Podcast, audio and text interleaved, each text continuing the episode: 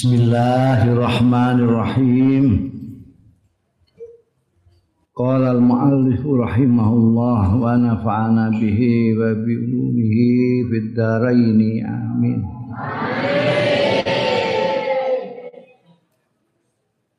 Abna'ud dunya wa abna'ul akhirah iku ya.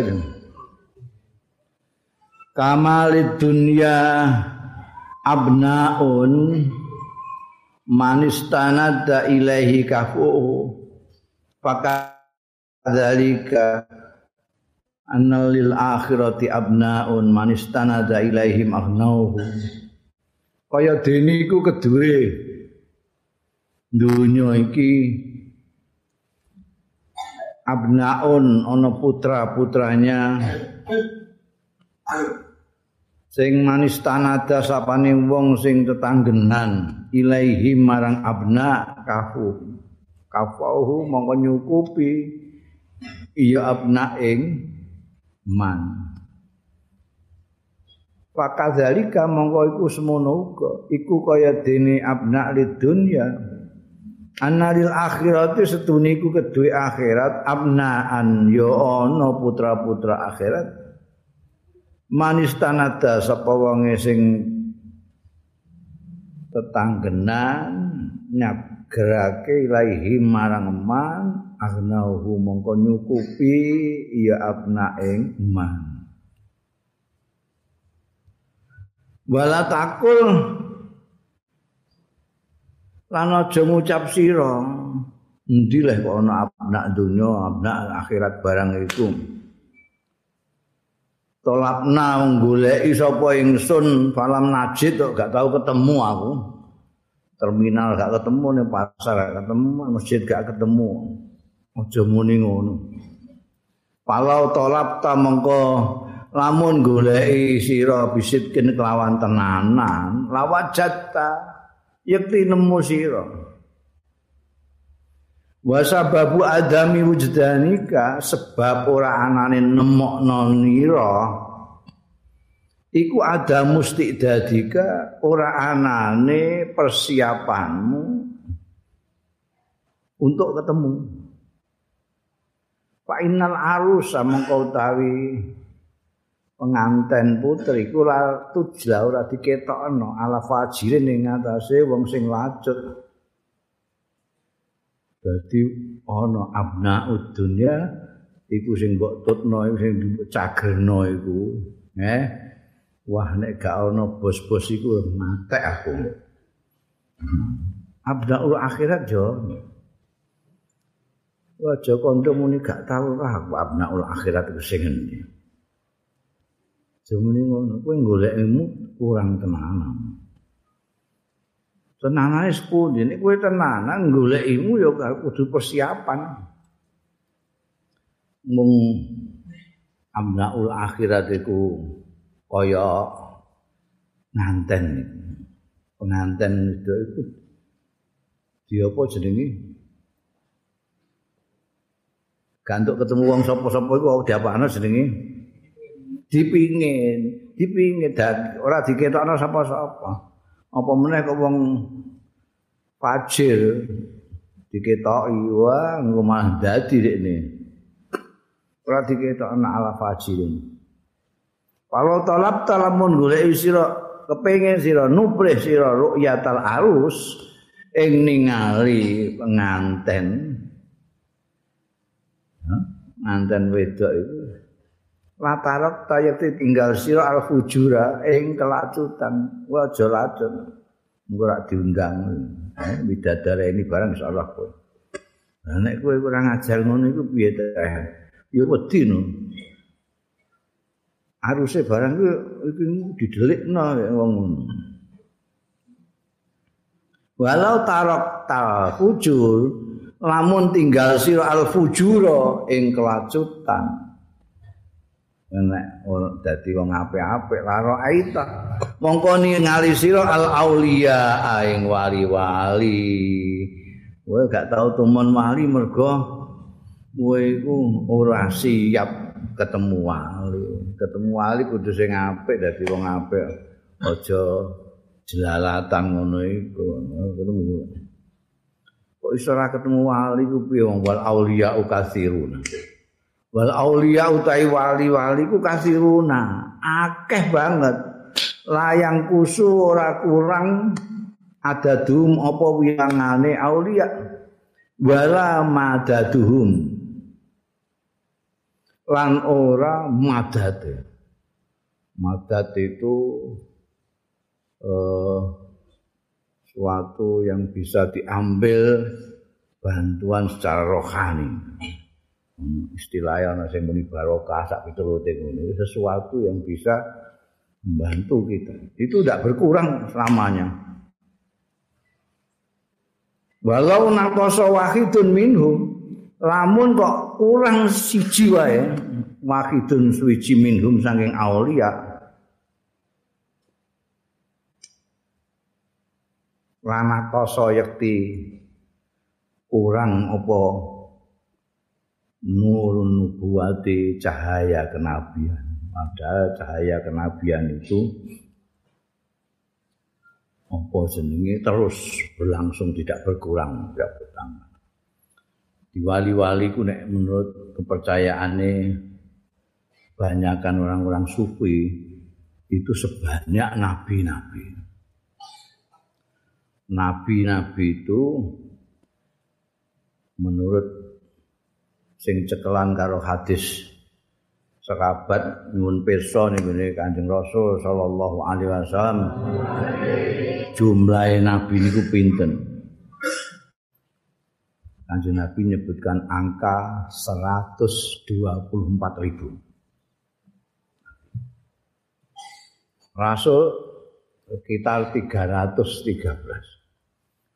Tapi yang wajib kita ketahui cuma selawe iku hum adamun idisunu sak piturute ngantek Nabi Muhammad sallallahu alaihi wasallam. Sing liyane wis ora usah gak roh ya gak apa-apa kowe. Atus parlikur ewu. Nah sebanyak itu juga wali-wali itu sebanyak itu. Wali likur ewu. Dan itu tidak berkurang. Kok gak berkurang piye? Mergo kaya wali songo itu wali songo itu tidak berkurang tetap songo. Mergo nek ana sing kapundhut sita ana sing gadeng ganti jenenge wali abdal itu ganteni lha mbok mbok delok wali songo pirang-pirang? Ndak sing iki wis kapundhut. Ganti iki. Wali kutub barang ya ngono kuwi Ana wali mau papat iku mergo sing terkenal pengikut-pengikute kreatif disebarkan. Tapi sakwise ora ana Syekh Abdul Qadir Jailani, Syekh Sadili sekarang. Ana neh gantine, cepak gak ana sing memviralkan. Sing lihat, lihat kan ana sing memviralkan. Jadi 100 Pak Liku. Iku ana memang dan masih perdebatan ya ana sing percaya bahwa wali ya banyak itu percaya hampir semua percaya. Tapi kategorisasi ana wali kutub gausil kutub menjadi menurut sebagian sufi itu mengatakan ada wali yang cuma satu. Itu wali ghausul kutub satu tok. Nah, kalau tidak ada ganti satu lagi, tidak, tidak akan muncul. Ono sing percaya tapi tidak mengkategorikan. Wis ana wali ngono ae duwe keramat wis titik. Ora ana wali abdal, wali nujaba, nukoba, ono ora usah. Ono sing ngono. Tapi ono sing sing percaya nek iki tingkatane kene iki njaga kene kelakuane ngene iku ana macem-macem. Ana sing lakune iku ibadah terus ibadah. Ana sing lakune iku sedekah. Ana sing lakune iku nulungi wong terus ae. Ana sing menonjoli tawaduke walhasil wali-wali ini Allah itu. Terus ada termasuk nih gini Jawa itu ono songo itu terus gak ono siji tumbuh lagi satu. Ono juga sing berpendapat. Janji ngalim ya wali. Kalau walau lam yakunil alim walian falaisa lillahi aulia nah sing ngono ulama sing tenanan ya wali ana sing berpendapat sesuai dengan Al-Qur'an. Pokoke sing wong kuwi takwa istiqomah ya wali. Wae. Takwa istiqomah. Ciri-cirine ora duwe wedi, ora duwe susah. Wali. Ora duwe wedi, ora duwe susah. Lah kene apa? Lho wali ini Gusti Allah kok susah. waline Gusti Allah kok wedi waliku ana sing maknani kekasih ana sing maknani pembela coba ngono iku pendapatnya wong Jakarta iku wali dimaknani pemimpin iku Lah nek wali ini Gusti Allah, pemimpin ini Gusti Allah ngono kuwi. Radu nang kabeh. Ini wali itu nek makna konvensional itu kekasih atau penolong, pembela. Lah aku duwe makna dhewe. Duwe makna dhewe iki mek tak patenno mergo durung enek. Durung enek sing duwe ada-ada makna wali kaya aku. Wali tak maknani bolok. Iku enek. sak tumemu lek gak ana sing maknani wali kok bolo iki aku. Wali Allah balane Gusti Allah. Sayangnya itu aku gak nemokno bahasa Indonesia ini bolo. Jadi rada repot kok nek nggone anu mematenkan itu bahasa Indonesia apa bang? Bolo, bolo atau Jawa. Bolo itu gak ana bahasa Indonesia ini apa? Bolo itu idiom peperangan. Idiom peperangan. Di dalam peperangan ini ada dua saja. Bolo atau musuh. Sana musuh, sini bolo.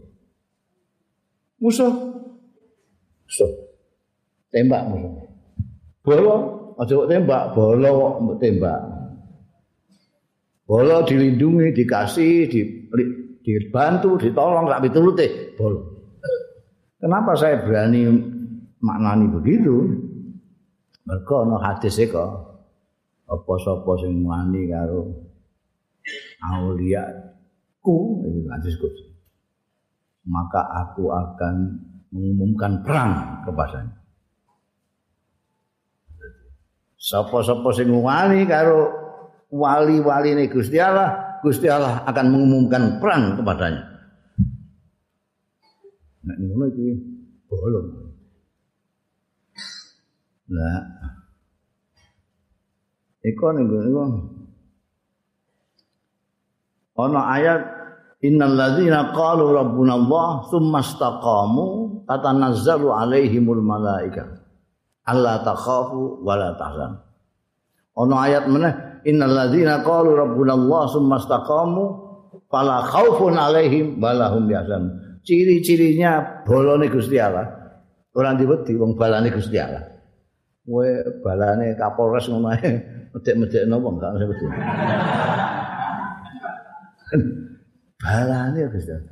Lah nek Gusti Allah balani kowe iku malaikat melok-melok balani kowe Mane malaikat ya muni nahnu auliyaukum fil hayatid dunya wa fil akhirah. Ya dibalani malaikat sapa sing arep diwedeni? Aon. Dibilani, dibalani karo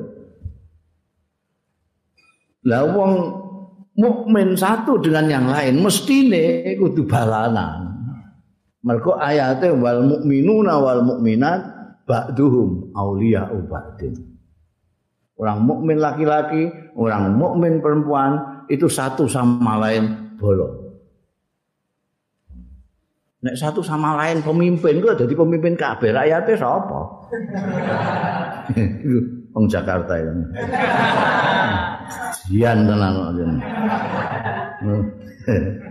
Pepe sing bantah air masane bener. Jadi orang mukmin dengan orang lain itu bolonan, bolong. Kenapa? Karena satu iman. Kebalikannya orang mukmin komunitas tinggalnya ayat Quran itu ada pemberian tentang komunitas mukmin, ada pemberian kebalikannya. Pemberian tentang komunitas munafik. Ketika Allah berfirman tentang komunitas orang-orang mukmin, Allah berfirman wal mukminuna mukmin-mukmin laki-laki wal mukminatu dan mukmin mukmin perempuan ba'dum sebagian mereka itu aulia ubadun menurut maknaku saling jadi bolu jadi tidak ada orang mukmin kok nembak orang mukmin itu kecelakaan atau gila. Karena mukmin kok nembak mukmin salah betul. Mengkewali bandingnya bandingkan ketika Allah berfirman tentang orang-orang munafik. Al munafikuna wal munafiqat ba'duhum min ba'din. Bukan ba'duhum auliya ba'din. Eh, ba'duhum min ba'din. Tidak ada. Balanan yang gini wong munafik tidak ada. Yang ada kepentingan. Kalau hari ini kepentingannya sama bolong. Sesuatu sudah kepentingannya lain tidak bolong. Ikut wong munafik Lah nek wong mukmin kok balanan terus, mergo kepentingannya satu, yaitu golek ridani Gusti Allah kabeh. Ana wong kok kepentingannya orang golek ridani Gusti Allah ya perlu diragukan kemukminane iku. Iki kuwi apa? Mukmin kok orang golek ridani Gusti Allah itu ya. Mulane nek mukmin terusane ayat ya'muru nabil ma'ruf wa yanhauna 'anil munkar. Kenapa yang hauna 'anil munkar? Kenapa ya'muru nabil ma'ruf? Karena bolong ndak ingin bolo ini ada yang ketembak jadi diberitahu awas awas awas ketembak Jangan jangan ke sana, jangan ke sana. Amar ma'ruf nahi. Kowe nek rono ketembak, kowe nek rono kejegur neraka. Aja. Bolo kok. Bolo ana sing nembak kok njalno ae. Tembak tenan. Bolo dolanan ning pinggir neraka kok dinjalno ae, kejegur. Tidak ada bolo seperti itu. Bandingno kalau wong munafik. Dawuhe Gusti Allah ning wong-wong munafik. al munafiquna wal munafiqat ba'duhum min ba'din ya'muruna bil munkar wa yanhauna 'anil ma'ruf sebalik ini ngongkon ngongkon sing apik sing elek-elek itu melarang sing gol dan itu banyak wali-wali nek kowe siap untuk ketemu akan ketemu. Ana nas sing berpendapat waline Gusti Allah iku anggere apal Quran sak maknane sak menghayatine sak ngamale. Wis iku wali apa yang jadi wali. Tapi nek menurut Quran ini mau alladzina qalu rabbuna Allah sumastakum sumastakom mau ngono tok kowe kepengin dadi wali kan sithik ngono ae iso dadi mergo kowe wis iman ning gone Gusti Allah. Ora iman karo Gusti Allah enggak boleh tinggal di Indonesia. Mergo Pancasila sila pertama ketuhanan yang Maha Esa. Tauhid. Jadi kowe kabeh iki wis umpama syarat loro wis duwe syarat siji untuk jadi wali itu.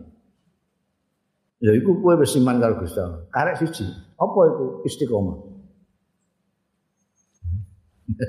sing berat istiqomah iki eh istiqomah iku jejeg dadi kowe iman karo Gusti Allah iku taat karo Gusti Allah iku ora mok ning masjid tok ora ning salat tok tapi ning terminal ning pasar ning Rabbunallah. Aja kok ning masjid pengiranku Gusti Allah. Ning langgar pengiranku Gusti Allah. Ning pengajian pangeranku Gusti Allah. Ning pasar pangeranku Badi ning kalangan perpolitikan pangeranku Korsi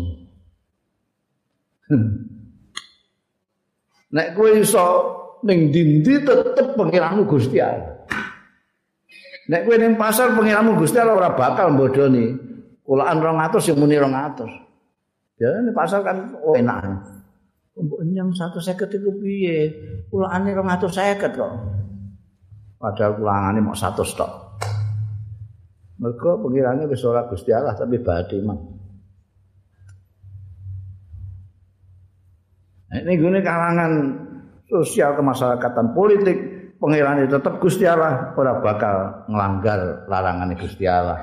Gak untuk tukaran kalau dulu. gak untuk menindas orang, gak untuk korupsi.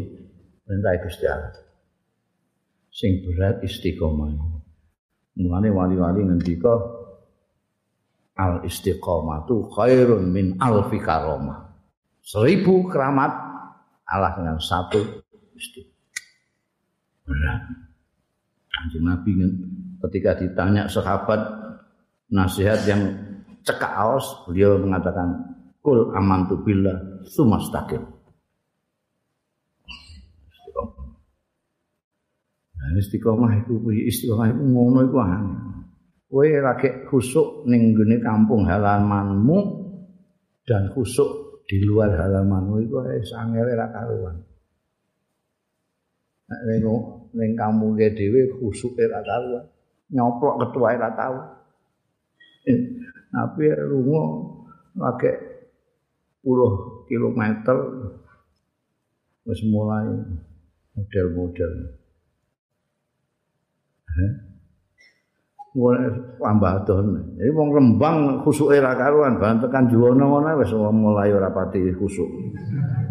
Kan pati tambah ra khusuk. Jakarta wis belas ora khusuk. Karena standarnya bukan Gusti Allah. Bukan Rabbuna Allah. Standarnya adalah masyarakat. wong sing ngawasi. Ning kampunge akeh sing ngawasi, Jakarta gak sing ngawasi. Itu.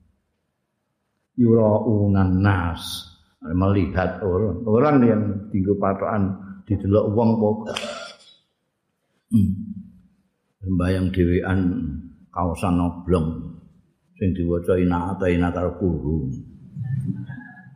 bareng imam iki nganggo jas tutup sing diwaca sabihis karo hal ataka. Mbok pangemeri sembayangmu sapa?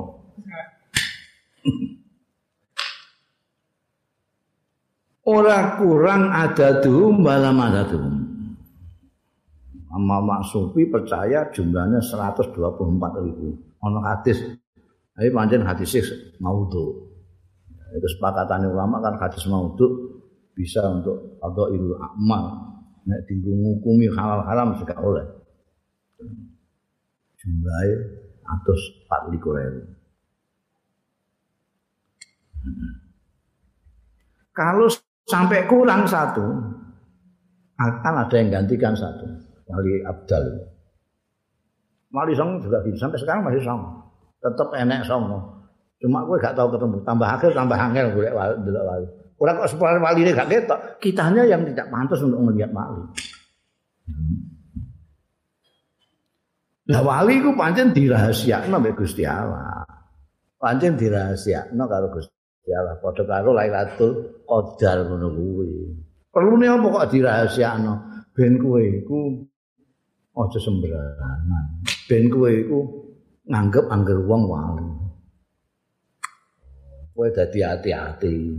Kowe kadang-kadang kan delok potongannya, potongan ini. Hmm. Potongan bangku standar. Potongan bangku standar. Iya nek gak wali, nek wali. Kowe ora ngerti ya. Potongane ngono tapi wali kowe ngerti.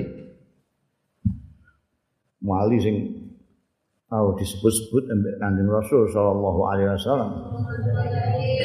Wes wes al-Qarni Sayyidina Umar mbek Sayyidina Ali didhawuhi karo Kanjeng Nabi kowe kok nek ketemu wong jenenge Uwais Qarni itu salam kuat ya. Salam kuat. Kowe njaluk adu Itu orang istimewa.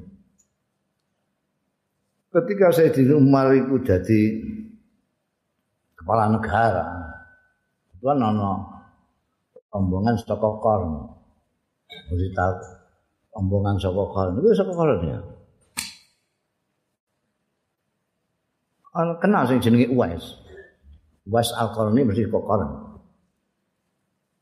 Kenal sih. Wah, kabeh do gak gak jawab, gak ada sing kenal.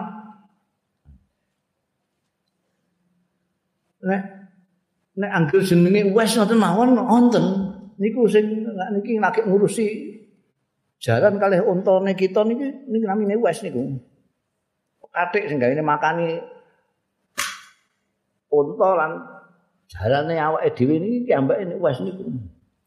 Masuk jenengan takok niku enten. Ya kon ngene kon ngene. Iku potongane sing tukang ngurusi unta lan jalane rombongan kok niku wis rupane gak bejaji. Lho. Bareng ketemu langsung sahabat Umar salame kanjeng Nabi wakil kabeh. Salame kanjeng Nabi kula sampean dongake. jaluk nang ngapura Gusti Allah. Bariku geblas. Ditinggal unta jalane ben ilang. Ini mali konangan itu mblayu. Kuwatir nek dikultusno karo wong. Iku ana wali sing ngono kuwi. Wes alkon. Wali dirahasiakno sapa ngerti kancamu iku wali. Aja sembarang dia kowe ya, sembarangan kowe. Ida habab ta tatkala demen sira habiban ing kekasih lantas sila ilahi ora bakal kowe ketemu ilahi marang habib hatta takuna ahlan lil usul sehingga kowe pantes sehingga ana sira ana iku ahlan pantes lil usuli maring ketemu ilahi marang habib Wali itu kekasih. Ibaratnya kekasih, kowe meh ketemu kekasihmu. Iku siap-siap ngelomprot ngene kekasihmu gelem ketemu kowe apa piye? La ilaha Seminggu ke atus ketemu kekasih. Ya siap-siap kowe membersihkan diri apa-apa. Nanti disambut mbek kekasihmu. Nek ketemu kekasih ngelomprot atus jawul-jawul. Kowe kasih kondo andane. Aku ora ono bunga. Badzalika hatta tata tahar mimma anta. Utahe mengkono mau sampai sesuci sira mimma saing barang anta kang utahe sira ing dalem ma. Bayane minal radha ili nyatane kerendahan-kerendahan. Jadi hilangkan kerendahan-kerendahan nek kepengen ketemu wali kudu apa jenenge? Resiki dhisik awakmu. Ana kibir ana sombong ana ujub barang wis ora bakal ketemu kowe Kala Syekh Abdul Hasan Asyadzili dawuh sapa Syekh Abdul Hasan Asyadzili radhiyallahu anhu. Auliaullahi ara isu. Utahi wali-wali ini Gusti Allah iku nganten-nganten pingitan.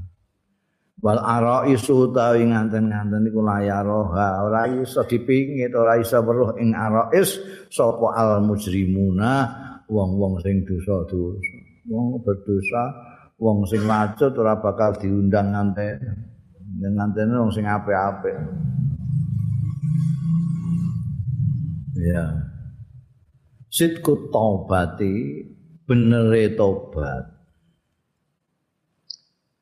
Idza sakulat alaika ta'a tatkalane abot alaika ing atase sira apa at-ta'atu taat wal ibadatulan ibadah mbok jak ibadah kok apa ora karuan.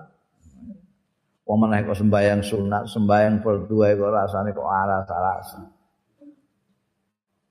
walam tajid lan ora nemu sira laha kedue taat lan ibadah ora nemu halawatan ing guriye manise. Blas. Bayang manis piye Lah nek sembayang manis gak barbar gak salam-salam. Wong lagi salam durung maca surat salam. Ora nemu kemanisane fi qalbika ing dalem ati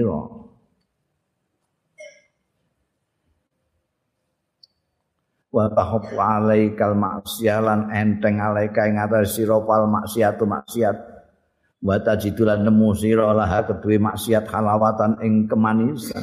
Faklam mongko ngerti si annaka sedune sira iku lam tusaddiq ora bener sira fi taubatika ing dalam tobat ira.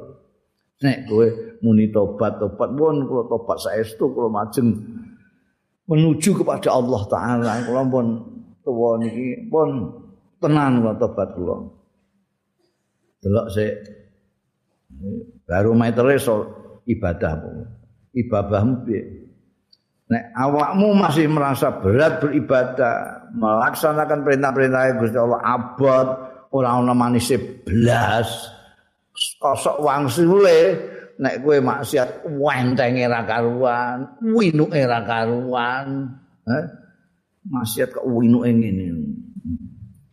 Iku berarti kowe ora tenanan untuk tobat.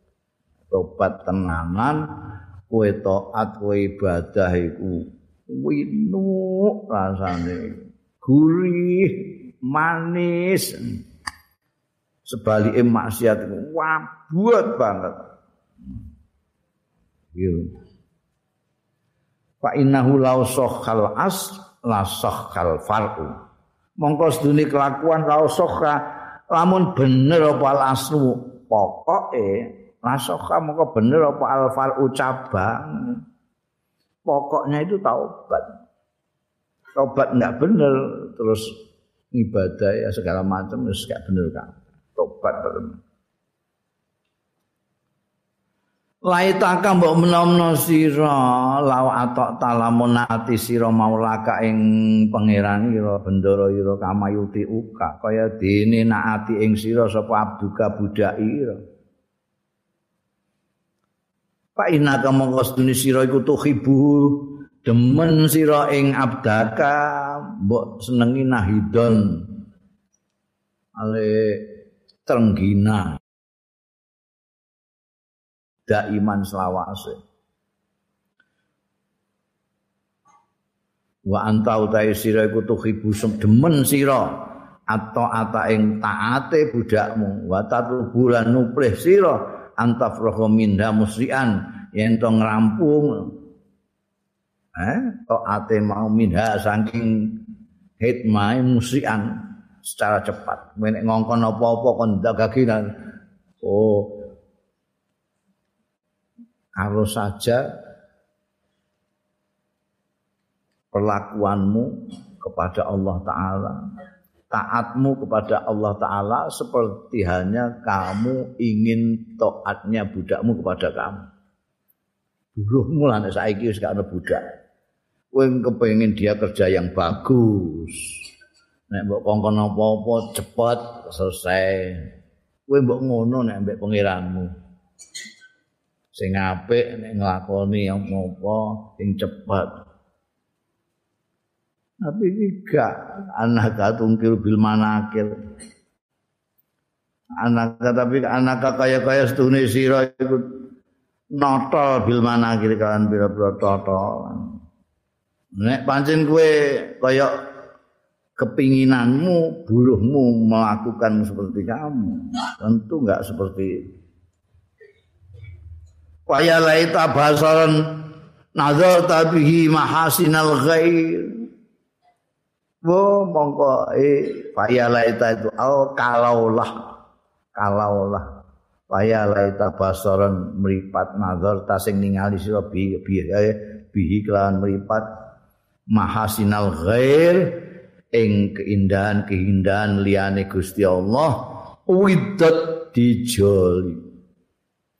Witang witang dijoli sira anu sangking basar dijoli al ama ing wuta nah, timbangane ngono iku lebih baik dijoli wuta timbangane meripat hanya untuk melihat keindahan-keindahan selain Allah tidak digunakan untuk melihat keindahannya Allah sama sekali.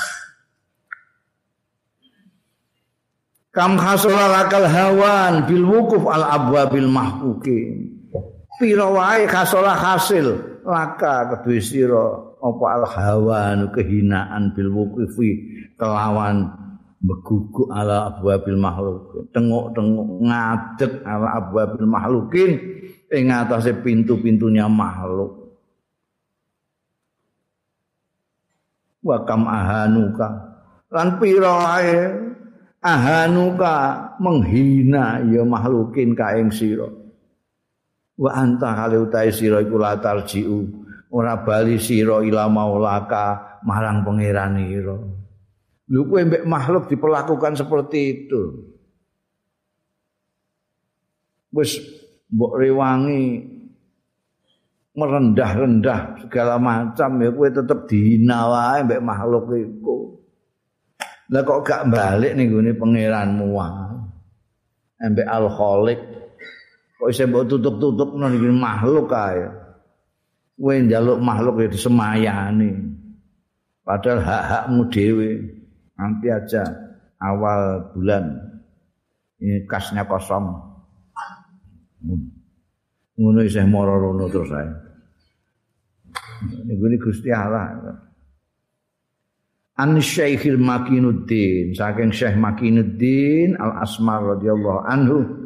Ana ustune Syekh Makinuddin kala ngendika sapa Syekh Makinuddin. Ra'aitu fil manam ningali sapa ingsun fil manam ing dalam turu. Aku turu ngimpi.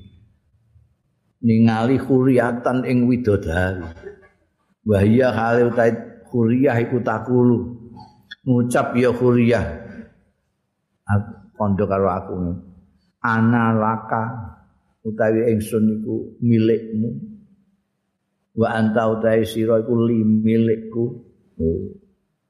ngipi ketemu widodari widodarine muni aku milikmu mas aku dan kamu milikku. Piye kira-kira kowe nek sing ngimpi kowe? Saya makin udah ngipi ketemu itu dari diomongi ngono iku. Kala ngendika sapa saya makin udin. Pabaka itu mongko tetep sapa ing sumnah wasahre ini sekitar dua bulanan awal salah satu. utawa telung wulan lah, dua bulan telung bulan bapak la astatiu ora mampu sapa ingsun li makhlukin kedue makhluk ora mampu ngungokno kalaman omongan illa taqayya tu kejaba kudu mutah sapa ingsun. Litibi kalamiha krana manise omongane khuriyah begitu ngipi ku ana rong wulan telung wulan. Aku gak krungu cangkeme wong kudu mutah ya. kelingan ndak kupingku kadung krungu indah dan manisnya omongane kuliah mau dadak saiki di eron-eroni mbek omongane wong gak karu-karuan rong bulan mbok telung bulan iku suarane wong mutah aku. Ibu bayar masya Allah. Jadi merasa nikmat sekali dia omongi karo kuliah ini. Analaka wa antali masya Allah. Ya kowe mau kepengin tok ya percuma. Ya kudu kaya Syekh Makinuddin Al Asmar ya aku ora madhep karo Gusti Allah pengen ngipi bidadari ketemu karo aku. Paling ya bintang sinetron itu. Kafakan nyukupi ing sira minal idbari saking mungkur sapa Gusti Allah. Antaf takayen to buka sira ainaka ing mripati ra fi hadzat dari ing dalem iki perkampungan dunya. Nek kowe mendelik terus ndelok dunya iki ya berarti semungkur saka Gusti Allah ngono dunya iku sak cukupe ngono ae sak kedare sak butaya apa? Butuh mangan ning marung sak piring wis cukup. Oh mbok pendeliki bakule barang ku apa? Itu edbar itu Qala Allah Ta'ala dawuh sapa Gusti Allah Ta'ala wala tamuddanna ainaika ila ma matta'na bihi azwajam minhum. Azwajam minhum zaharatal hayatid dunya linaftinahum fihi wala tamudana aja ngodot jendawakno sira ainaika. Ing mripatira pening pandangan ira ilama maring barang matakna sing paling kepenak sapa ingsun bi kelawan ma azwajan ing kelompok-kelompok golongan-golongan minhum nanging wong-wong kuwi wong kabeh-kabeh iku kan zahratul sing berupa zahratul hayatid dunya. Eh ngebraring kehidupan dunia. Bunga kehidupan dunia.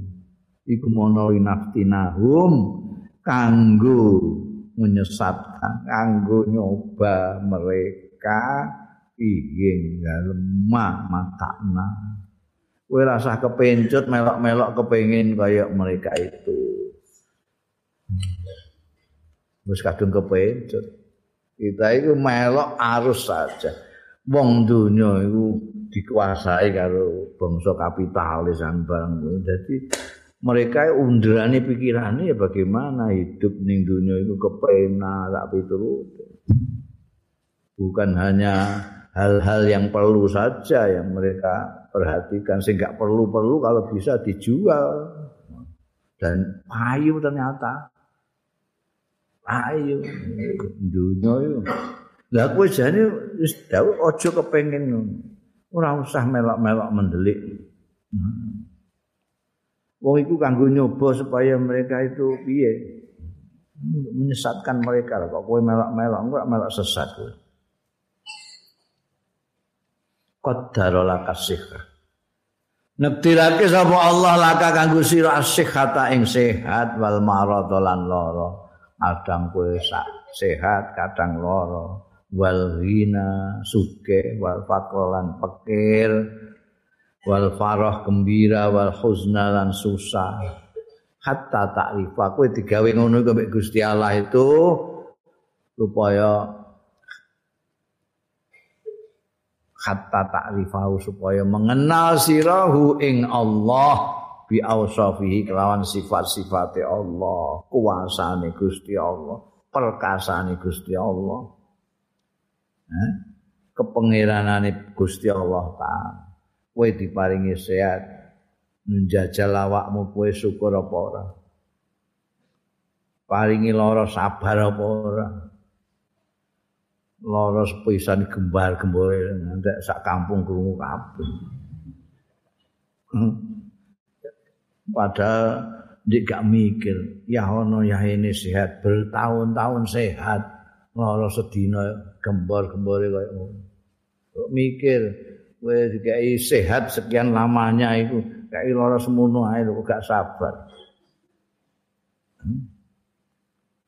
Iku wabeh gembira, bahagia.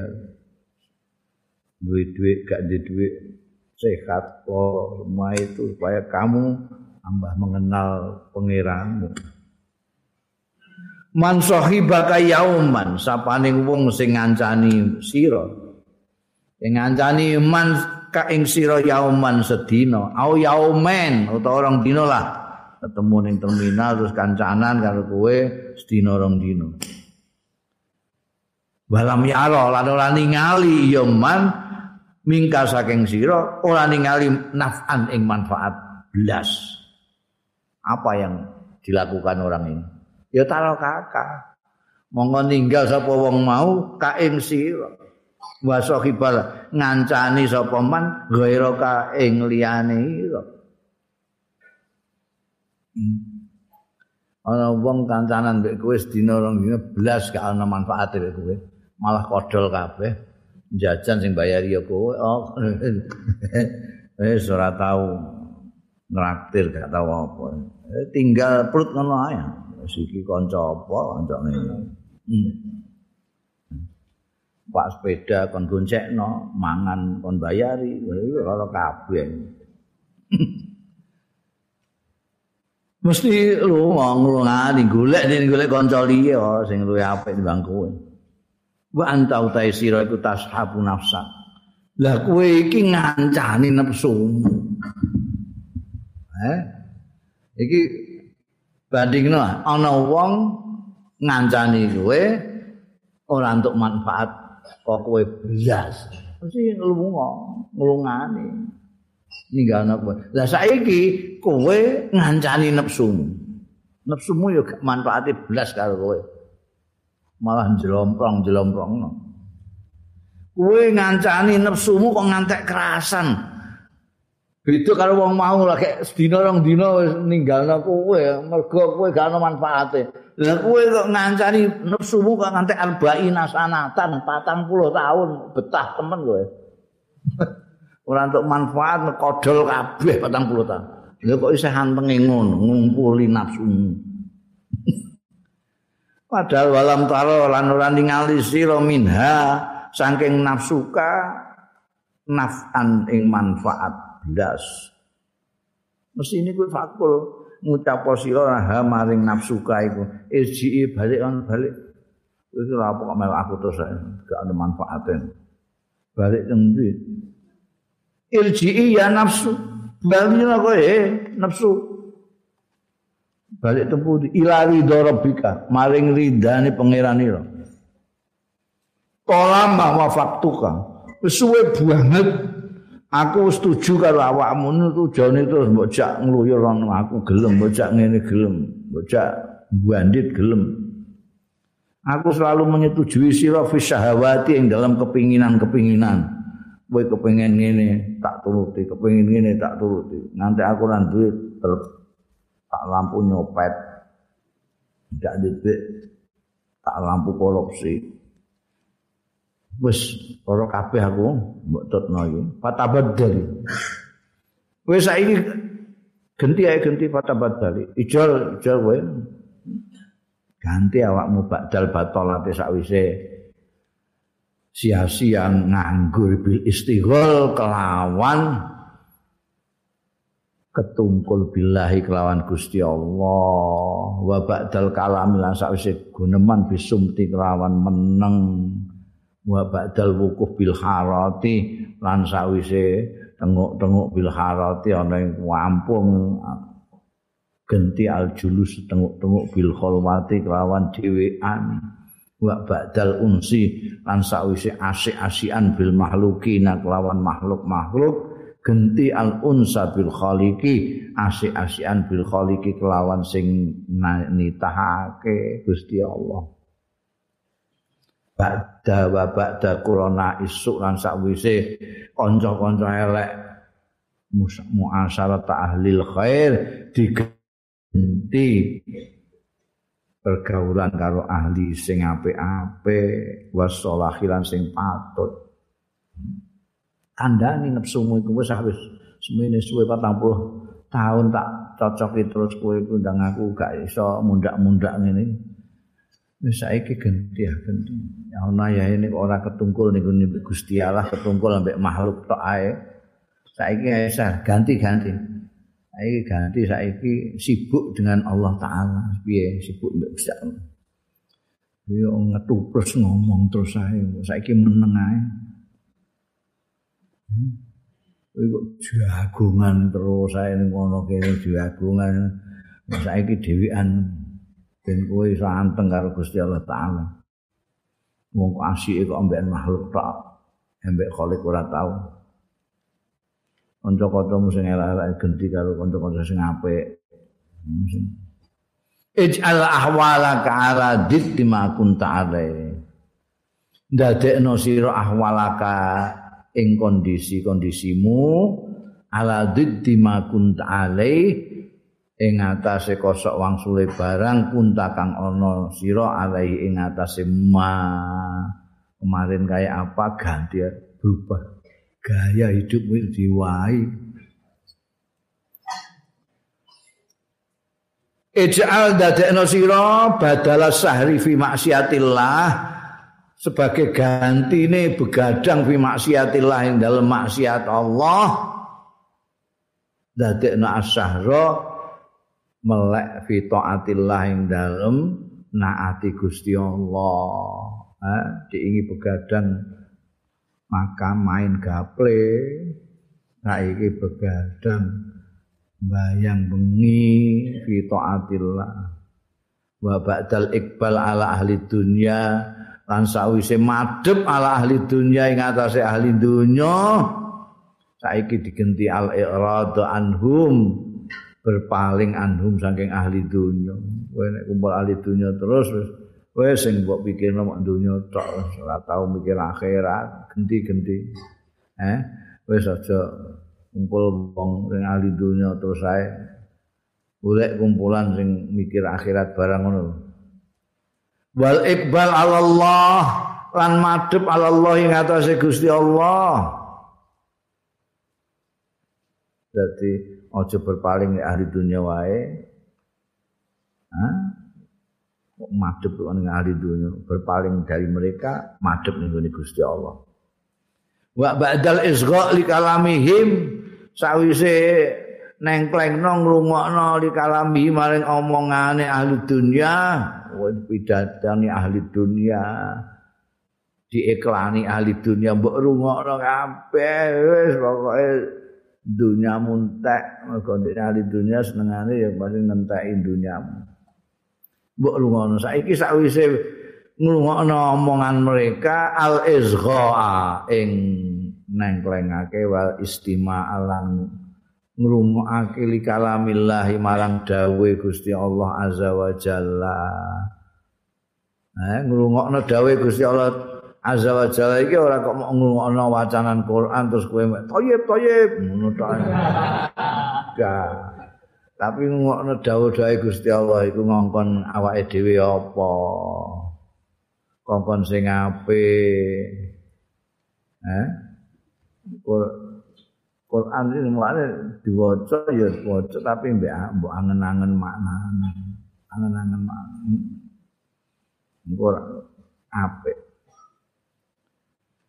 Al istima' li kalamihi wa dzikrihi lan dzikir Allah. Wa ba'dal akli lan sakwise mangan bisyarahi kelawan. Tamak mangan bisyarah itu dokoh. Ya Allah sak tembur entek. Mulai ndok sampai balung pangan kabeh ba'dal akli bisyarah wa syahwah. Saiki digenti al aklal qalil mangan sing sithik wae. Gak gak nek matek kowe.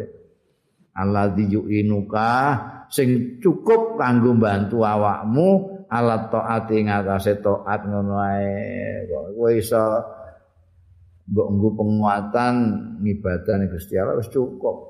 Lah apa kok ompak-ompakan ngono iku mangan Allah taala. Niku kuat sepundi kula niku? Mangan sithik niku biasa kula makan kata biasa masak wakul mangan sak piring niku lemes kula.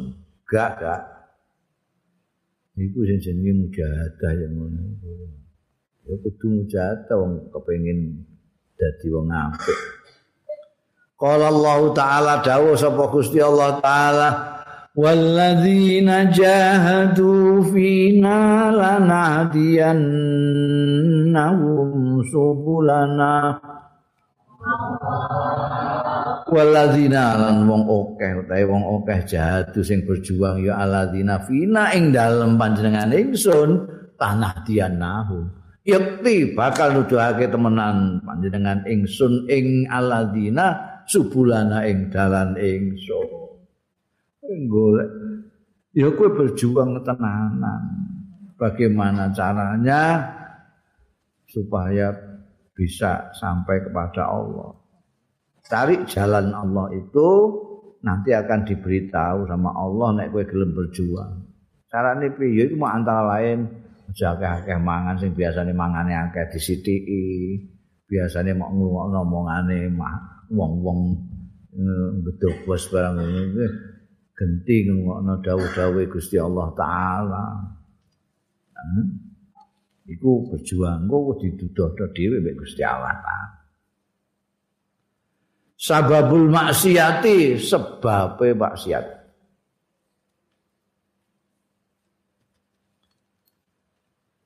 Innama asa angin pestine maksiat ndurakani Allah ing Gusti Allah sapa man wong lam ya'rif. Innama asallah man lam ya'rif.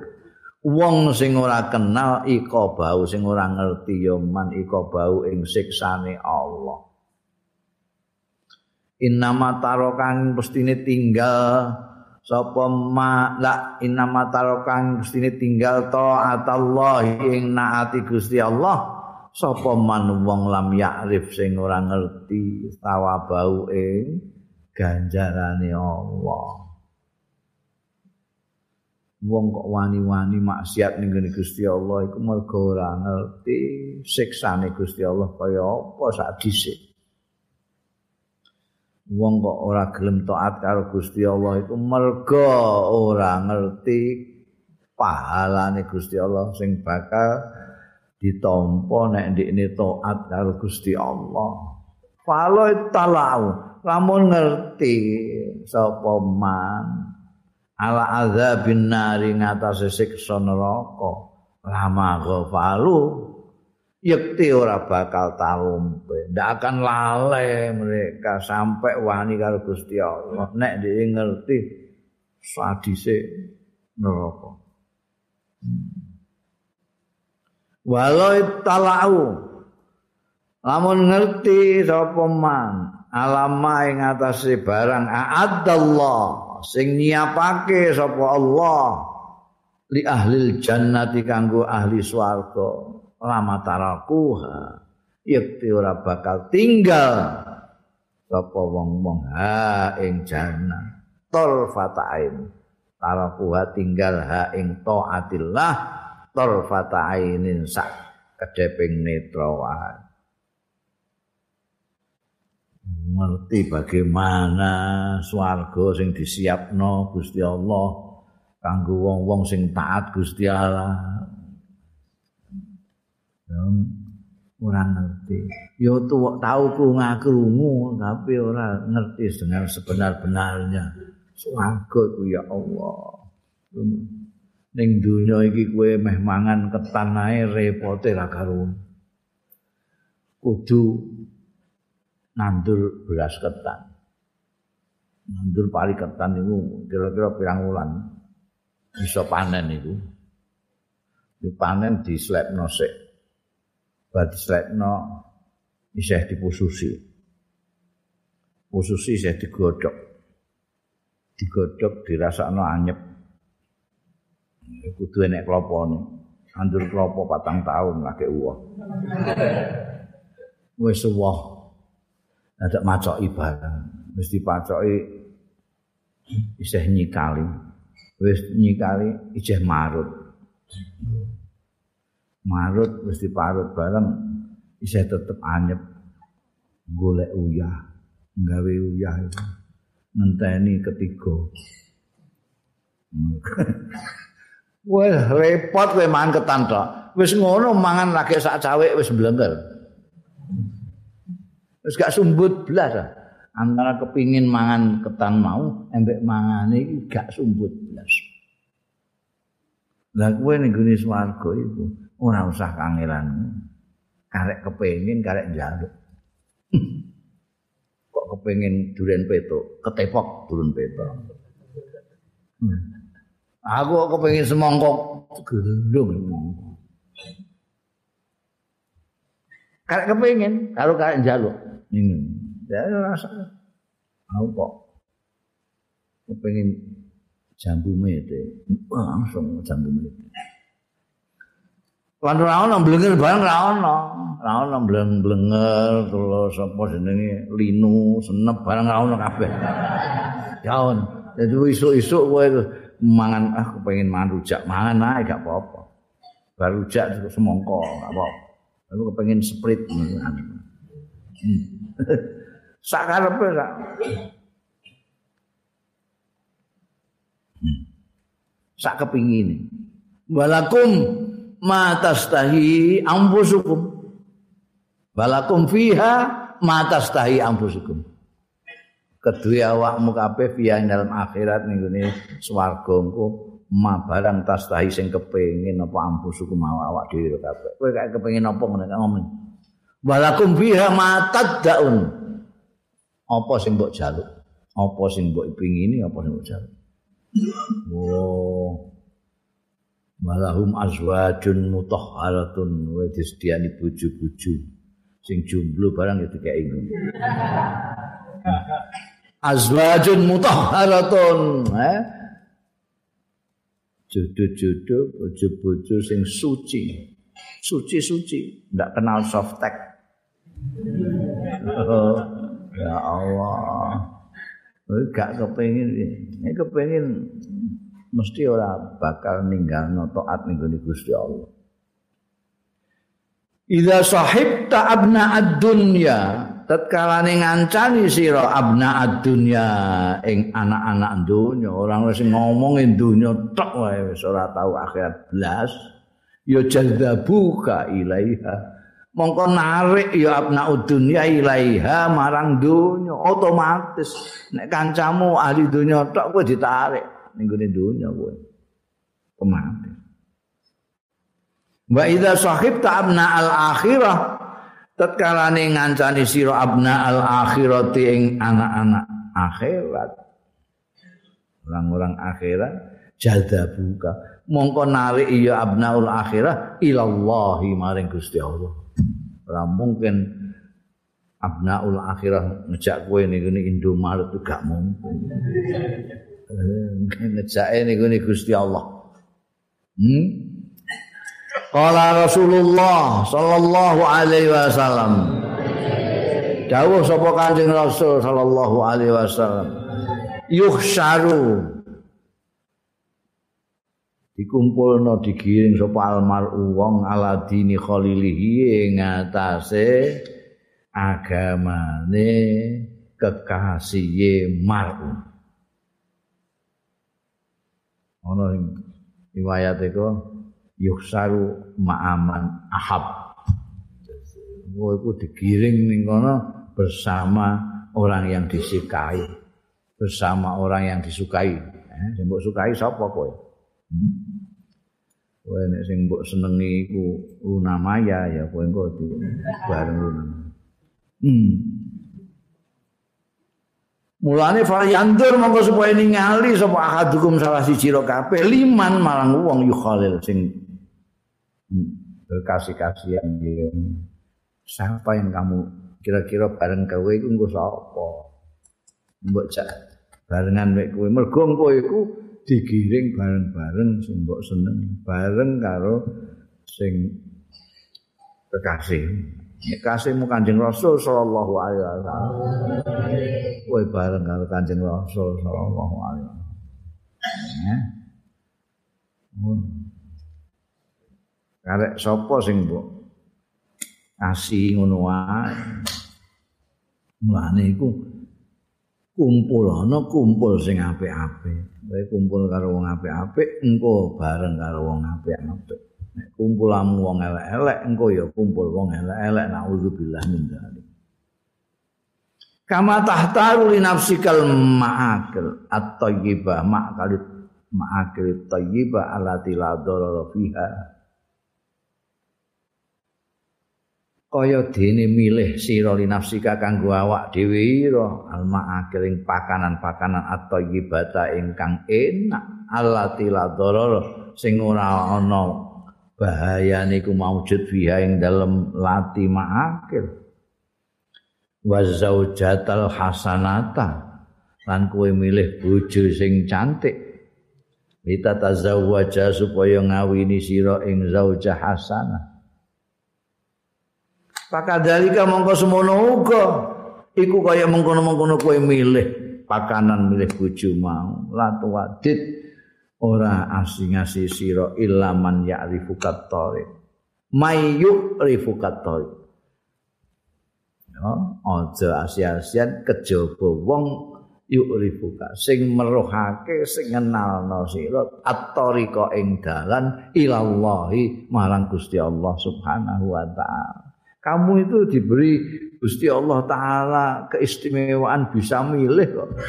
Kowe duwe akal pikiran duwe nurani kowe milih mangan ae milih sing enak. Sing bergizi eh? Sing bergizi sing milih bojo ayo sing ayu eh? Dan saiki kowe iki apa jenenge ning kono iku pikirno sing ning kono. Ning kene ngono gampang. Ning konone kowe engko piye?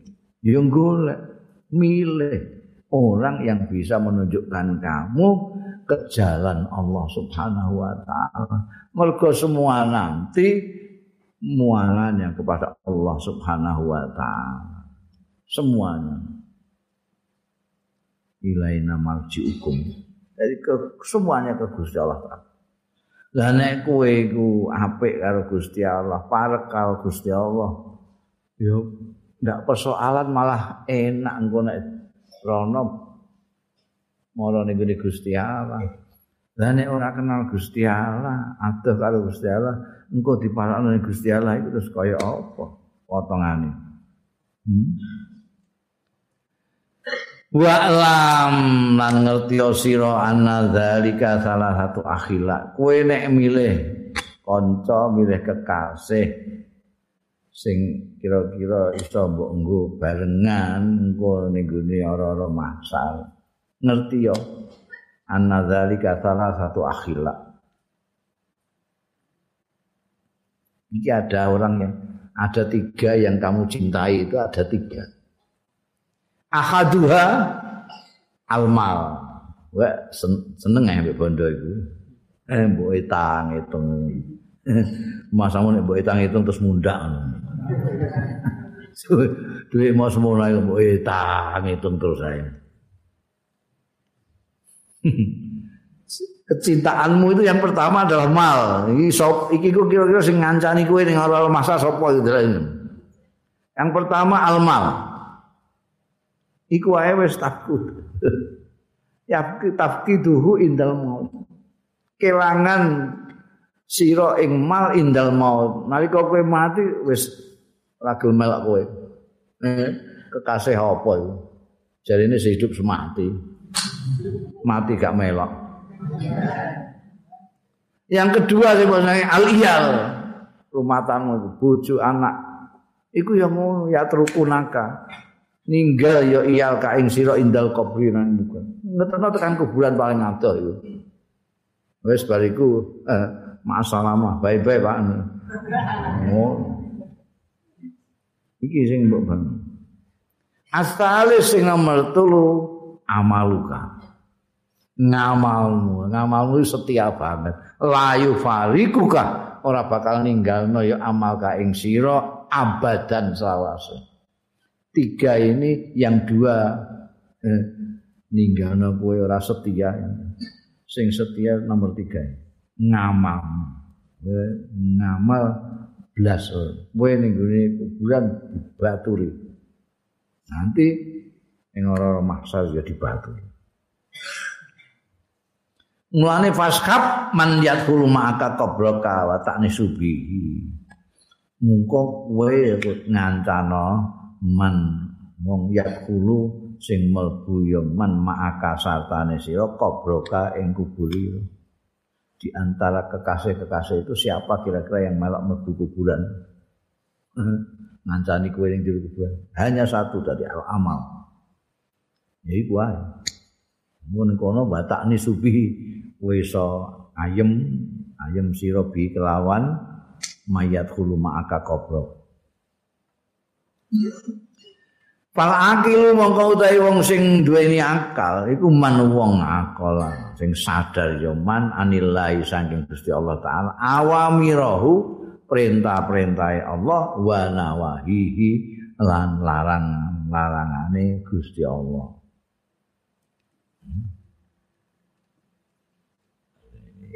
Wong sing berakal tenan itu orang yang menyadari ada perintah-perintah dan larangan-larangan Gusti Allah. Perintah-perintahnya untuk dilaksanakan, larangan-larangannya untuk ditinggalkan. Misal luka utai tepo ira iku kal jual. Kayak kepik kumbang. Ya isu sing urip ya jual firausi wal adirati. Bahasa Arab itu raus iku maknane teletong, kayak cara Jawa. Raus iku teletong wal adirah iku tai. Iku kan jadi padha-padha kotoran. Tapi nek kanggo binatang jenenge teletong. Mosok kowe kang teletongmu iki lho kakak. Kau ngono kowe. Iku ngenyek ngono iku. Bangkune Mbak sapi ya piye mbak teletong-teletong nong. Bahasa Arab ya ngono nek kowe meh muni kanggo sapi ya raus teletong. Wal adira itu kanggo manusa. Lek. Nyanyi. jual itu uripe ning ngene ngono mbah letong mbah tayu uripe ini mulane kepe itu wa iza uriba ilahil wadu nek dicedakno ilahi marang jual apa alwardu kembang mata-mata sakal dasar apa kan dia soal pakanannya itu telek. Telek teletong telek teletong. Mbak ambul kembang mawar plek mati deh. Pas orang sile kue, kalau ditelek, koner kue. Delok-delok kumpulannya asal ini, mangane kon. Kena apa kok mati? Minro ikhati sangking dini gandane wat. Mampu kembang gak kuat. Kepe. Aminan nasi. Mau iku setengah saking manusa, man utahi wong, wa kang utahi man iku jualil himma. Sing bangsa kepek himange. Ngono nek ana apik sih kengel nek. Jadi kudune ning kletongan, ning telekan ngono tok ae. Kok ning ngene sing apik-apik kengel nek malah. Iku ana wong sing jualil himmah ngono. ana sing farasial akli sing kaya laron nakale kira akali laron laron gak di akal. Lampu dituabrak. Lah. Proto lari limbung. Ngono kanca-kancane bareng ya geblek ora karuan. Melok. Melok melok. Ora padha tuablak terus. Lampu tuablaki ngono. Masane lampune sing pecah ngono piye? Ndik ini lare sing protol kabeh. Ana wong sing farasil akli ngono iku Fa inal farasha mongko setune laron niku layazal. Ora gingsir-gingsir ya faras. Yarmi melempar dia nafsu ing awak dhewe ini melemparkan nafsu awak dhewe ini finari ing dalam geni. hatta tahribu hatta tahriku sehingga ngopong yonan hu ing faras terus saja janji ono api dia tabrak api tabrak Wah jangan guyu-guyu kapas, kowe dhewe dong. Eh? Geni mbok tabrak terus ae. Maksiat malah non geni neraka, mbok tabrak terus ae. Pakadzalika anta mongko iku kaya mengkono-mengkono faros anta utai sira iku tarmi nyawatake sira nafsaka ing awak dhewe finaril maksiati ing dalem api maksiat amdan secara sengaja. Yus kaya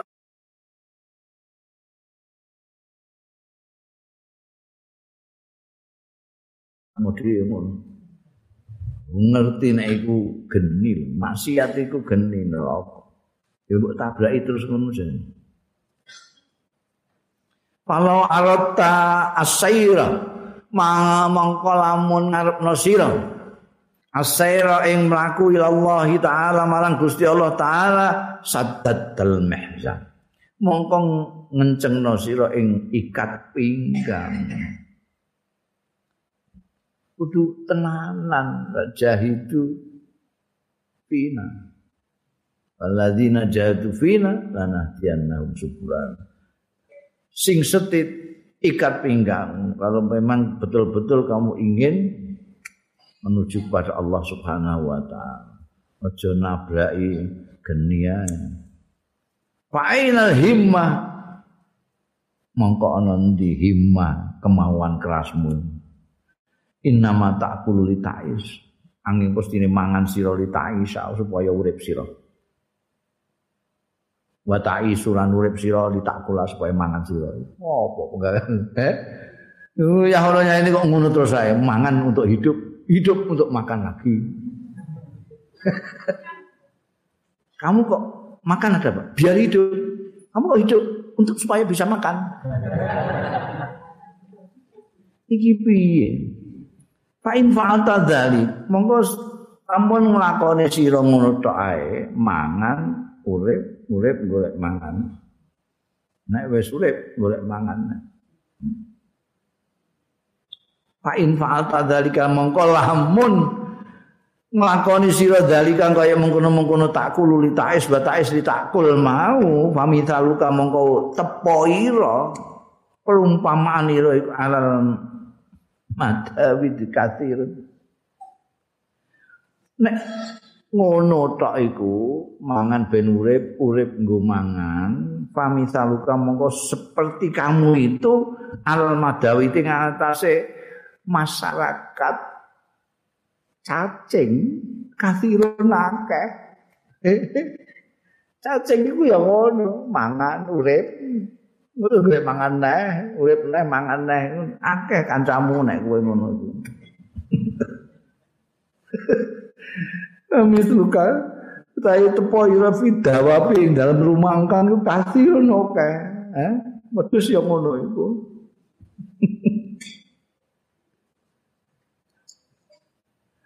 Fa in fa'alta dzalik mongko lamun nindakake sira dzalika ing mengkono mau tak kandhani kowe. Fa inna asbatal khail mongko sak banter-bantere kuda.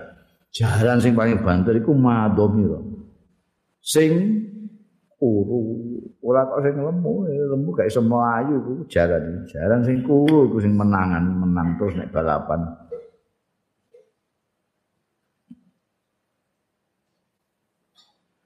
Aku lu kowe nguni hadil laila takulu ngucap sira.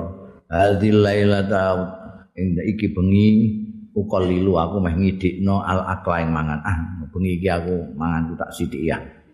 No fa idza khadara ta'am bareng tekan wayahe teko apa atau amu pakanan kanahu habibun mufarikun muah kaya kekasih sing berpisah lama sekali. Waduh.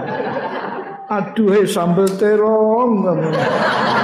Aku sudah lama merindukanmu. Jadi ini mau main ngidik no mangan.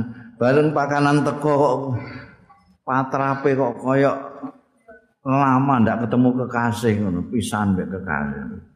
Wah, lah iki tempe ya iki ya, oh, masyaallah.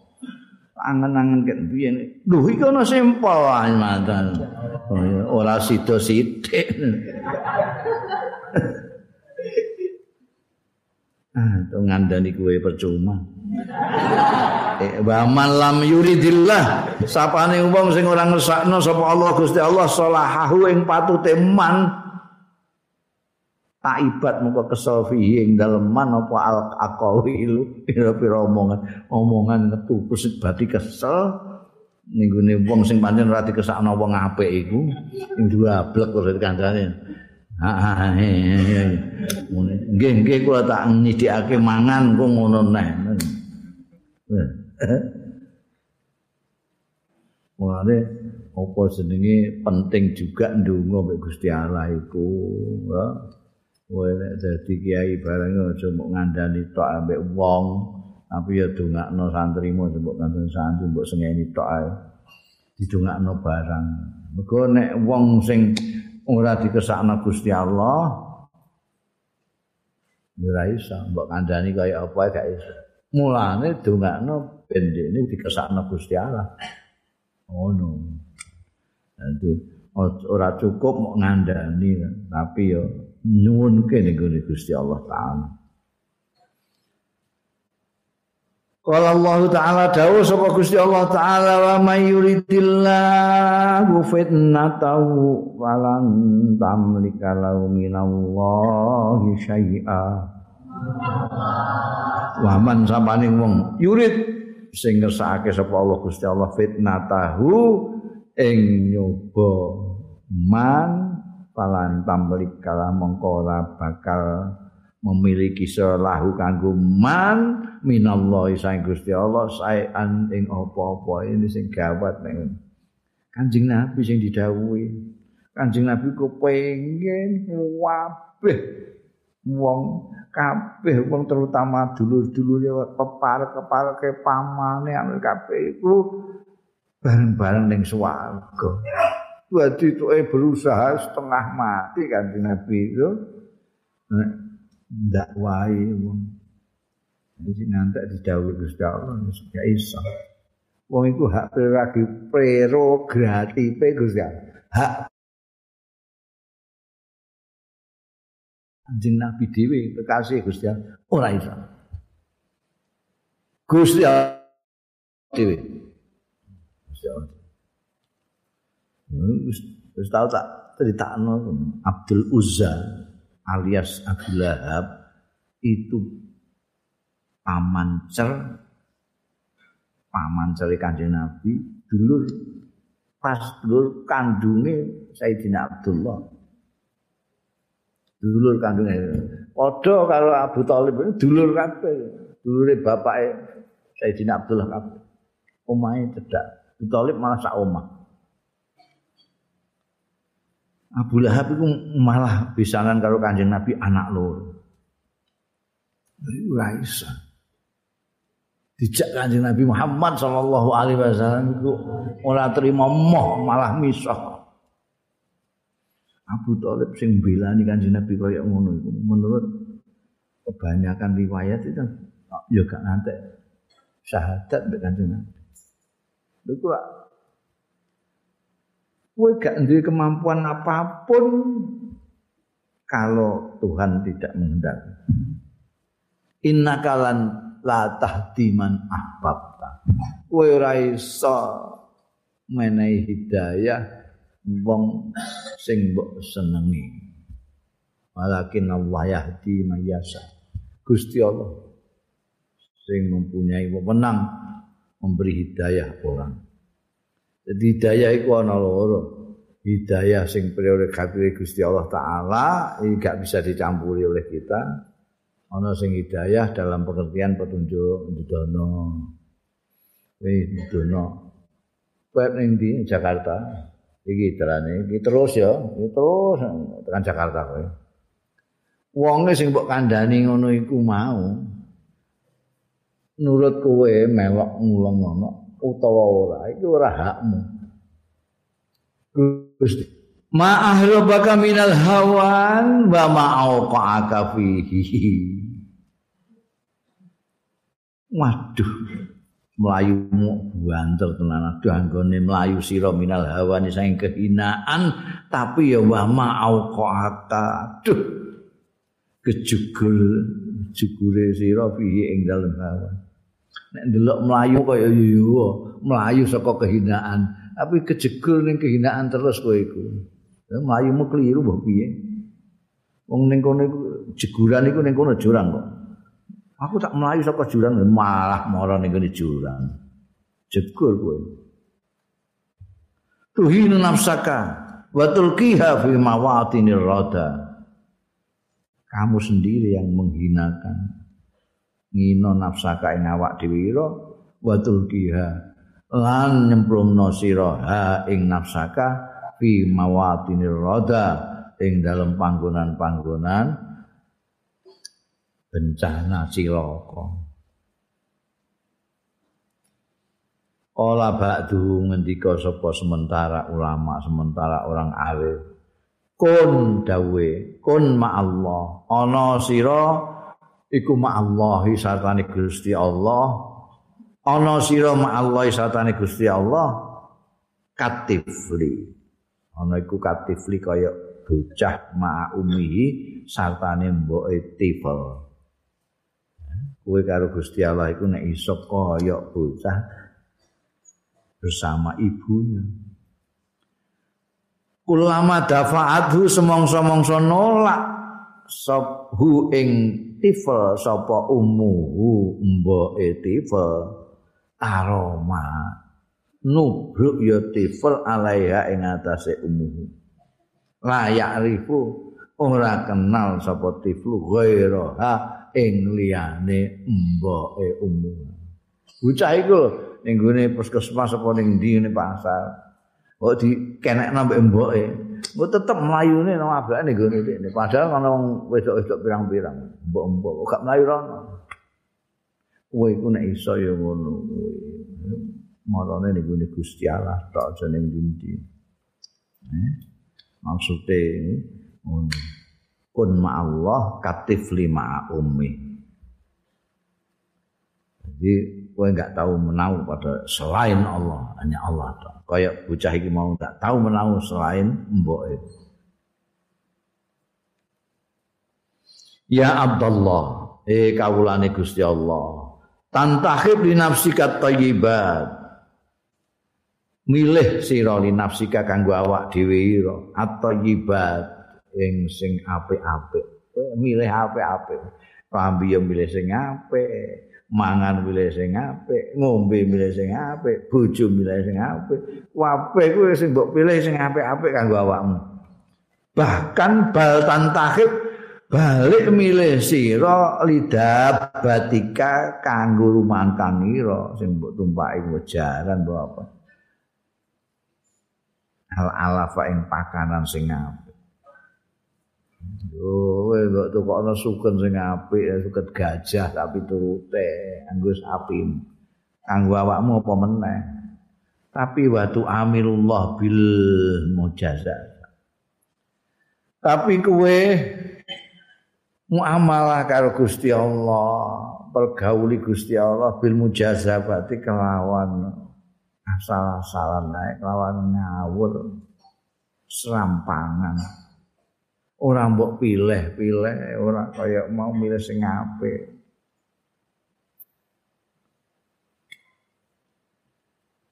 Warubama qalabta mbok menawa-menawa kowe molak-malik istri Nabi Tikhah. Puluh.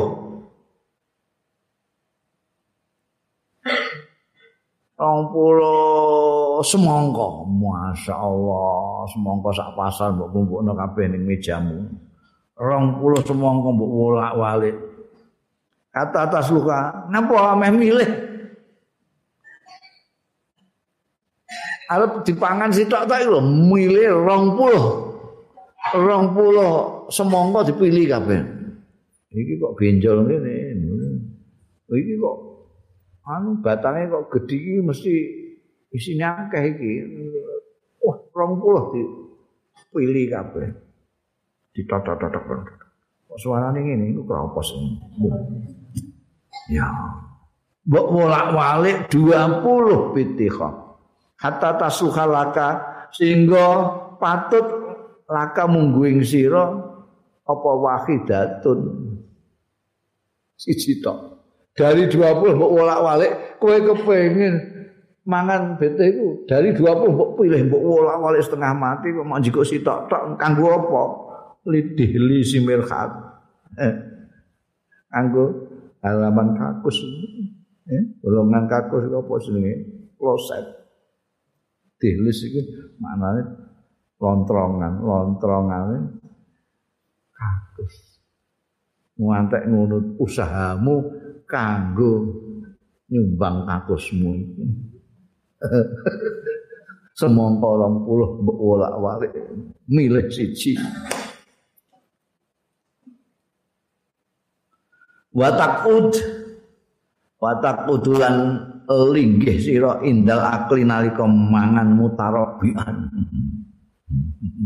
dekem mutarabikan hal mutarabik wila medengkreng jigrang baru tawal tal akla nyuwekake sih nyuwekake uga kesuwek tapi sapa suwe? Hmm. al akla ing mangan. Hmm. mangan itu kelingan sugoi mangan mbekan bin bas. Aku tau disugoi mangan. Oke, Allah ya kam kesar karo Gusdur.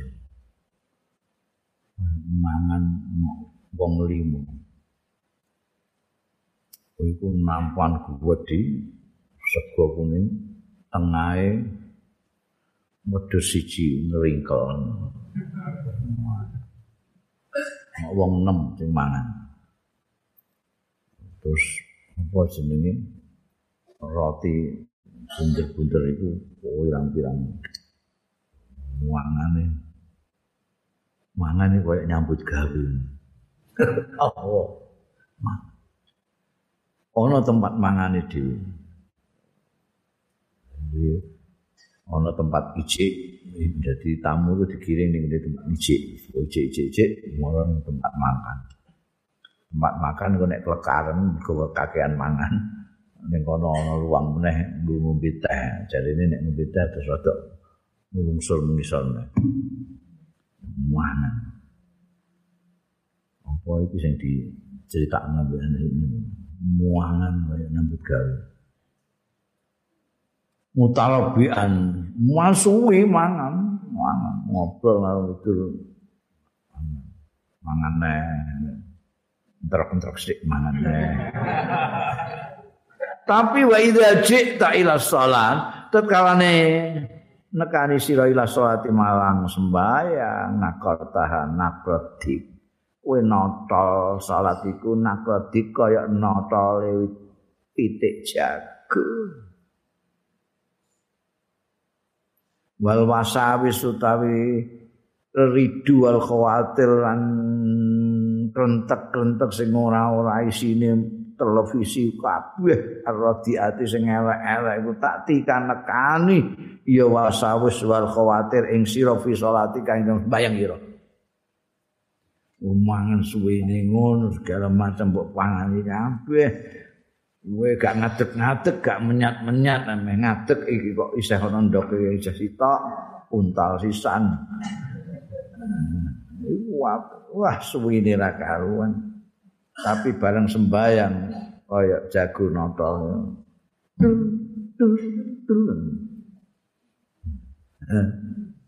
Nah, sujud iku sujud padahal sujud iku cedak-cedake kawula karo Gusti Allah ya wayahe sujud iku.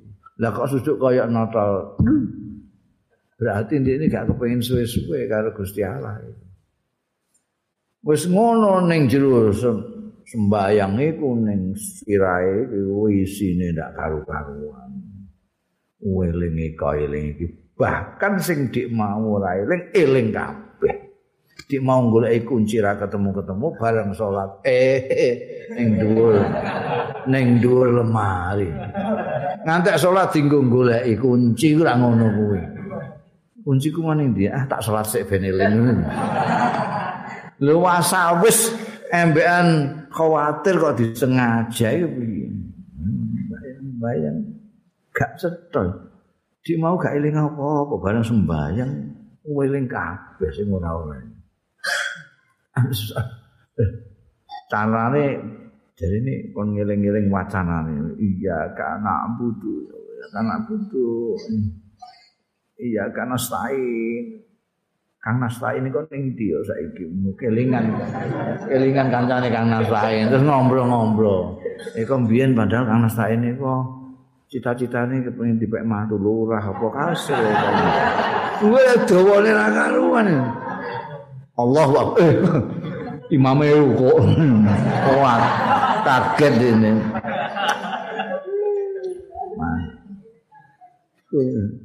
Kowe nek gue berarti ya harus ngalami terus.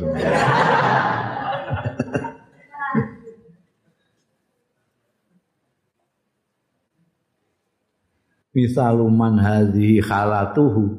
Utawi tepane wong sing khalatuhu keadaane maniku ka ndak. Misaluman utawi tepane wong hadhi kang utawi iki ku khalatuhu. Kondisine man iku kaman kaya wong nasaba nafsahu hatu. Sing mapakno nafsu ing awake dhewe al sebagai sasaran. Waqo adalan lungguh fil almahi wasiham ing dalem pira-pira jemparing lan ya anak-anak panah. Taksuduhu mingkuli janib sing mengarahkan menuju ya almalan sahiham hu ing man mingkuli janibin saking setiap alah apa mahadza ahmad? Ngono. Mongko ana to iki. Gak cocok ana ana sing liyane iki.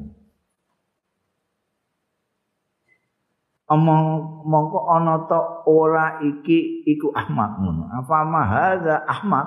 Mongko ana to ora iki iku ahmadku geblek. hmm. Ana wong kok deng-deng ngene waduh itu. Dekat sasaran nang tembak. Wah nembak. Pokoknya kene dipanah segala macam. Nah kok di ini tengok-tengok ning kono geblek Misal kau tadi tepoi ro ida sami tal hikmah. Nalikane ngrungokno sira al hikmah ta ing hikmah. Ngrungokno hal-hal yang kearifan-kearifan ngrungokno wisdom.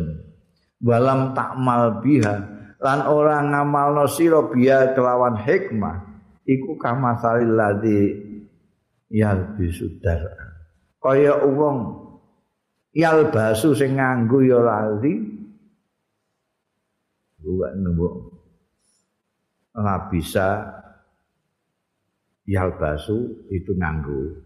Bahasa Arab angel ini labisa yalbasu itu nganggo berpakaian itu labisa yalbasu. Nek labasa yalbisu itu mengacaukan. Ini saya mbenggo titenan iki yalbasu apa yalbisu? Iku eling-eling ayat itu. Wala talbisul haqqa, wala talbisu.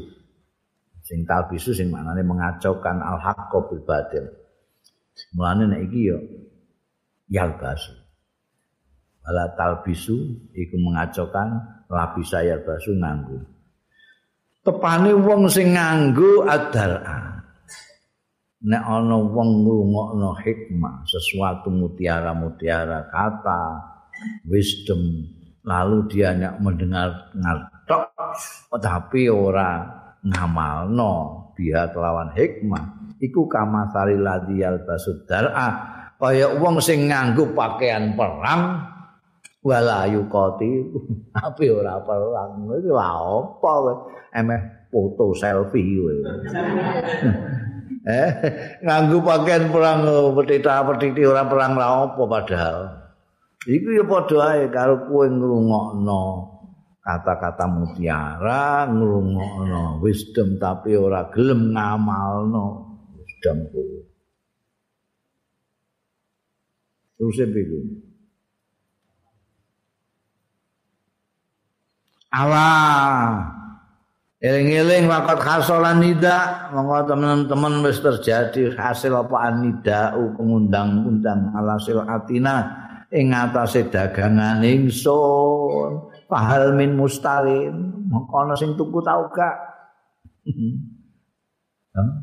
dagangan.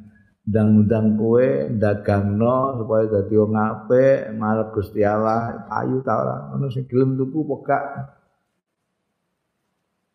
Kimatuka utawi nilai ira iku kimatuma iku nilaine barang anta kang utawi sira iku masghulun ketungkul bi kelawan ma nilaimu itu adalah nilai sesuatu yang kamu sibuki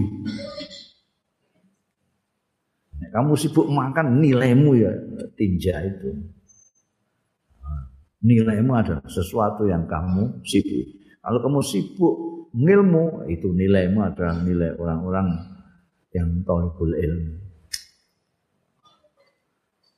Kue sibukmu golek duit wae, ya iku semono tok iku nilaimu. Kowe nek entuk terus mangan. Mangan terus turu, turu esuk golek neh. Fa in fa in in istaghalta. Mongko lamun ketunggul sira bid dunya lawan donya falaki matalaka. Hmm. Oh, terus langsung diponis lagi ngono. Eh, embean Syekh Ibnu Athaillah.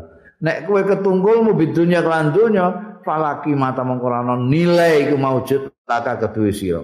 Lah kenging apa? Dari anak dunia kal jifa. Wah, iki? Iki eh wah. Ngampek tenan iki Ibnu Adam. Iki sufi sing ampek. Dunya kaya jifa. Kok ana nilaine piye? Li ana dunya kana suwe dunya iku kal jifate kaya batang laki matalah. Mosok batang ngono regane. Laki matalah ora ana nilai iku maujud lah kedue batang jifa gak ana nilaine. Jadi nek kowe ketungkul terus sibukmu nek ngene donya tok. ya kamu gak ada nilainya. Wong nilainya orang itu pada kesibukannya itu. Sibukmu nek ngene pilkada. ya mau semono tok itu nilainya. Nilai dunia kaljifa. Nah terus sing saya sepuh. Afdalu mautai luwe afdal afdale barang. Yap telubu sing nuplih sapa al abdu kawula minallahi taala saing Gusti Allah taala iku ayakuna yen to ana ya abad ana iku mustaqiman jejeg ma'ahu sartane Allah taala. Itu yang paling abad. Qala Allah taala dawuh sapa Gusti Allah taala ihdinas siratal mustaqim. Gusti mugi nedahaken panjenengan ing kita as-siratal mustaqim ing margi ingkang jejeg, margi ingkang lurus. Iki sing disuwunan iku margi ingkang lurus. Itu yang paling afdol yang diminta oleh kawula itu minta diberi jalan yang lempeng menuju Allah Ta'ala. Kenapa? Jaluk rezeki terus saya. Rezeki wis pirang-pirang saya jaluk terus saya. Kakean rezeki gue malah ngada ini repot. Wani fatlub minhu mongko nyuwuna sira nupriya sira minu saking Allah taala al hidayata ing petunjuk hidayah wal istiqomah talan istiqomah. Kowe nyuwun hidayah karo Gusti Allah. Engko nek kowe diparingi hidayah karo Gusti Allah kabeh enteng kabeh kabeh.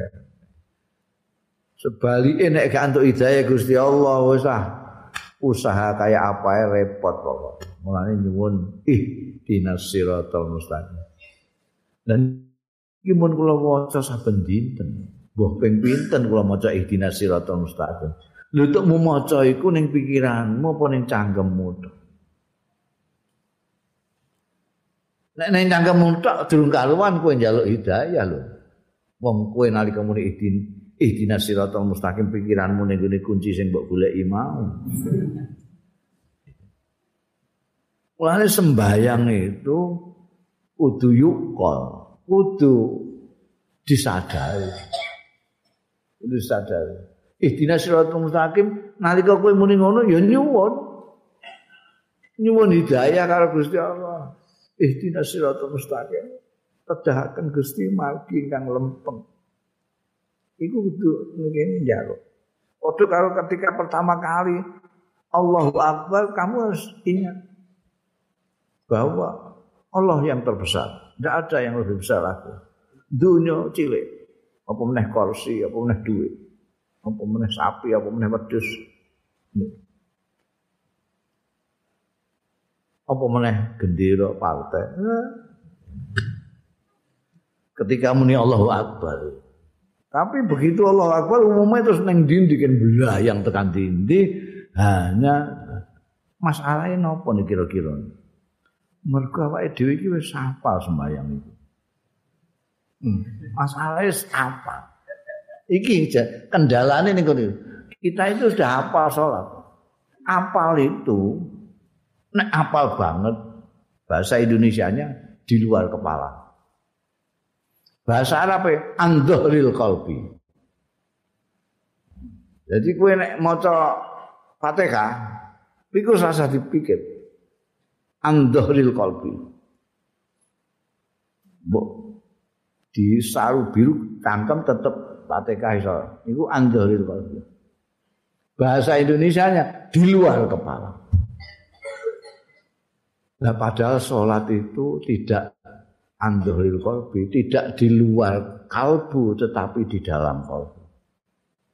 Sholat itu tidak di luar kepala, tapi di dalam kepala. Nah, wae ini bayang di luar kepala. di luar kepala. Mulane terus ujuk-ujuk salam ngono. sing kira-kira rada mikir-mikir mau imame tok iku. Imame mergo imame nek lali kok di subhanallah mbek makmume. Kowe petentengan ini.